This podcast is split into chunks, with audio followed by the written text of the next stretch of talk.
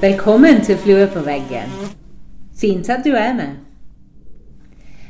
Vi skal eh, få besøk i dag av um, noen de aller, aller fleste kjenner godt. Velkommen, Randi. Tusen takk. Og så har du lest kapittel 22, vers 6-29 i Apostelens gjerninger.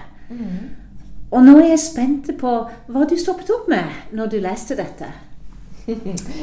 Jo, eh, det, det skjer jo igjen veldig mye her i apostlenes gjerninger. Ja. Eh, ja, og denne, eh, det som jeg har lest det avsnittet, det har jo fått overskriften 'Paulus forsvarstale for folket'. Og kanskje jeg bare hopper litt tilbake, for opptakten til denne forsvarstalen er jo temmelig dramatisk. Mm. Ja, det er jo eh, det er lynsjestemning i eh, Jerusalem, og eh, si, mobben, hvis du kan si det, de tar jo nesten livet av, av Paulus.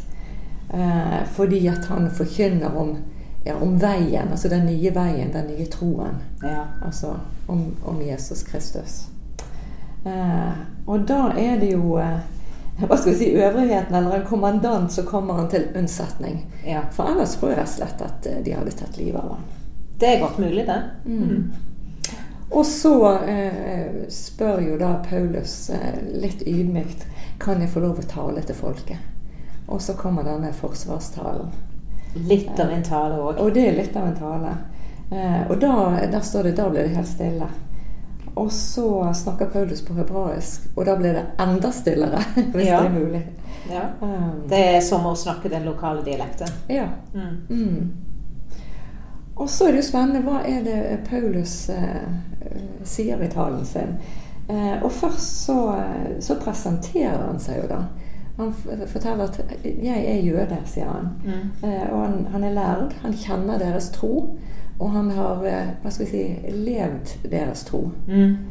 Um, men så, så tenker jeg videre så, um, så begynner jo ikke Paulus med noen sånne teologiske utgreininger uh, i sin hva skal jeg si, forsvarstale. Men det han gjør, det er at han forteller sin historie. Ja. Vitnesbyrd, Ja, et vitnesbyrd eh, hva han selv har opplevd uh, og erfart. Og så begynner han med å fortelle at han var jo egentlig like sint og like eh, voldelig som, eh, som de folkene som nesten har tatt livet av han. Mm. Um, han har fengslet både menn og kvinner. Han har vært med eh, og torturert. Han har eh, Altså de som da fulgte Jesus. Mm. Ja.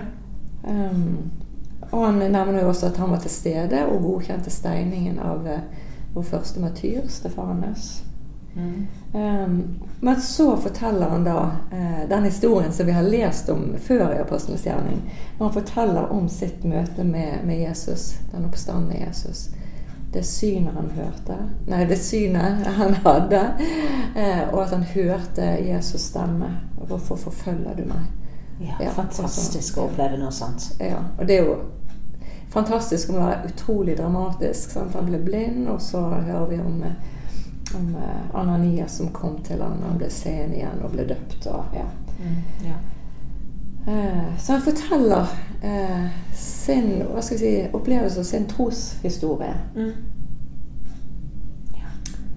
Um, og så eh, leser vi videre at at han igjen hadde en ny eh, sånn skjellsettende opplevelse. Det står jo faktisk han var helt i ekstase. Hvor han da får hva skal vi si, kallet til å Ja. bli hedningenes apostel. Altså eh, gå ut med eller Formidle evangeliet om Jesus til hedningen også. Og da klikker jo forsamlingen på ny. Ja. Ja. Ja, ja. Ja. Ja. Og igjen så blir han jo reddet av, eh, av eh, denne kommandanten, altså av, av øvrigheten. Det er bra. Jeg tror Ja. han hadde mistet livet hvis ikke. Ja. Mm. Gang nummer to. Ja, ikke sant? ja. ja. Men det, det er alltid spennende å lese om andre sitt liv. Men annet enn at det er spennende å høre hva andre har opplevd, er det noe vi kan ta med oss fra denne teksten i dag? Mm. Det jeg tenkte på, var eh, altså det Paulus gjør i denne talen. Eh, og da tenkte jeg på to ting.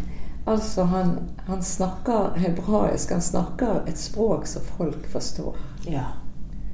Eh, og det tenker jeg vi kan ta med oss. Altså nå, eh, nå snakker vi helst norsk til de som vi omgir oss med her. Men, men eh, eh, å snakke på en måte som folk forstår. For av og til så kan vi jo kanskje snakke litt sånn i, i kanonspråk. Litt sånn åndelige, kristelige eh, vendinger.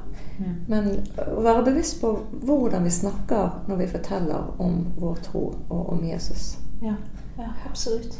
Så det var den ene tingen jeg tenkte på. Og den andre tingen er jo også sånn som Paulus gjør, at han forteller eh, um, fra sitt liv, sin troshistorie. Mm. Uh, og det blir veldig uh, troverdig. Mm. Ja. Og det tenker jeg også er en ting vi uh, kan ta med oss. At ja, la oss fortelle om, om våre erfaringer og våre opplevelser. Og mine opplevelser er ikke så dramatiske som Paulus sine. Men jeg kan fortelle om og min troshistorie. Vi alle sammen har en unik historie som vi kan bruke hvis vi vil. Mm. Ja. Det var kjempespennende det du delte med oss i dag, Randi. Tusen takk. Mm. Selv takk.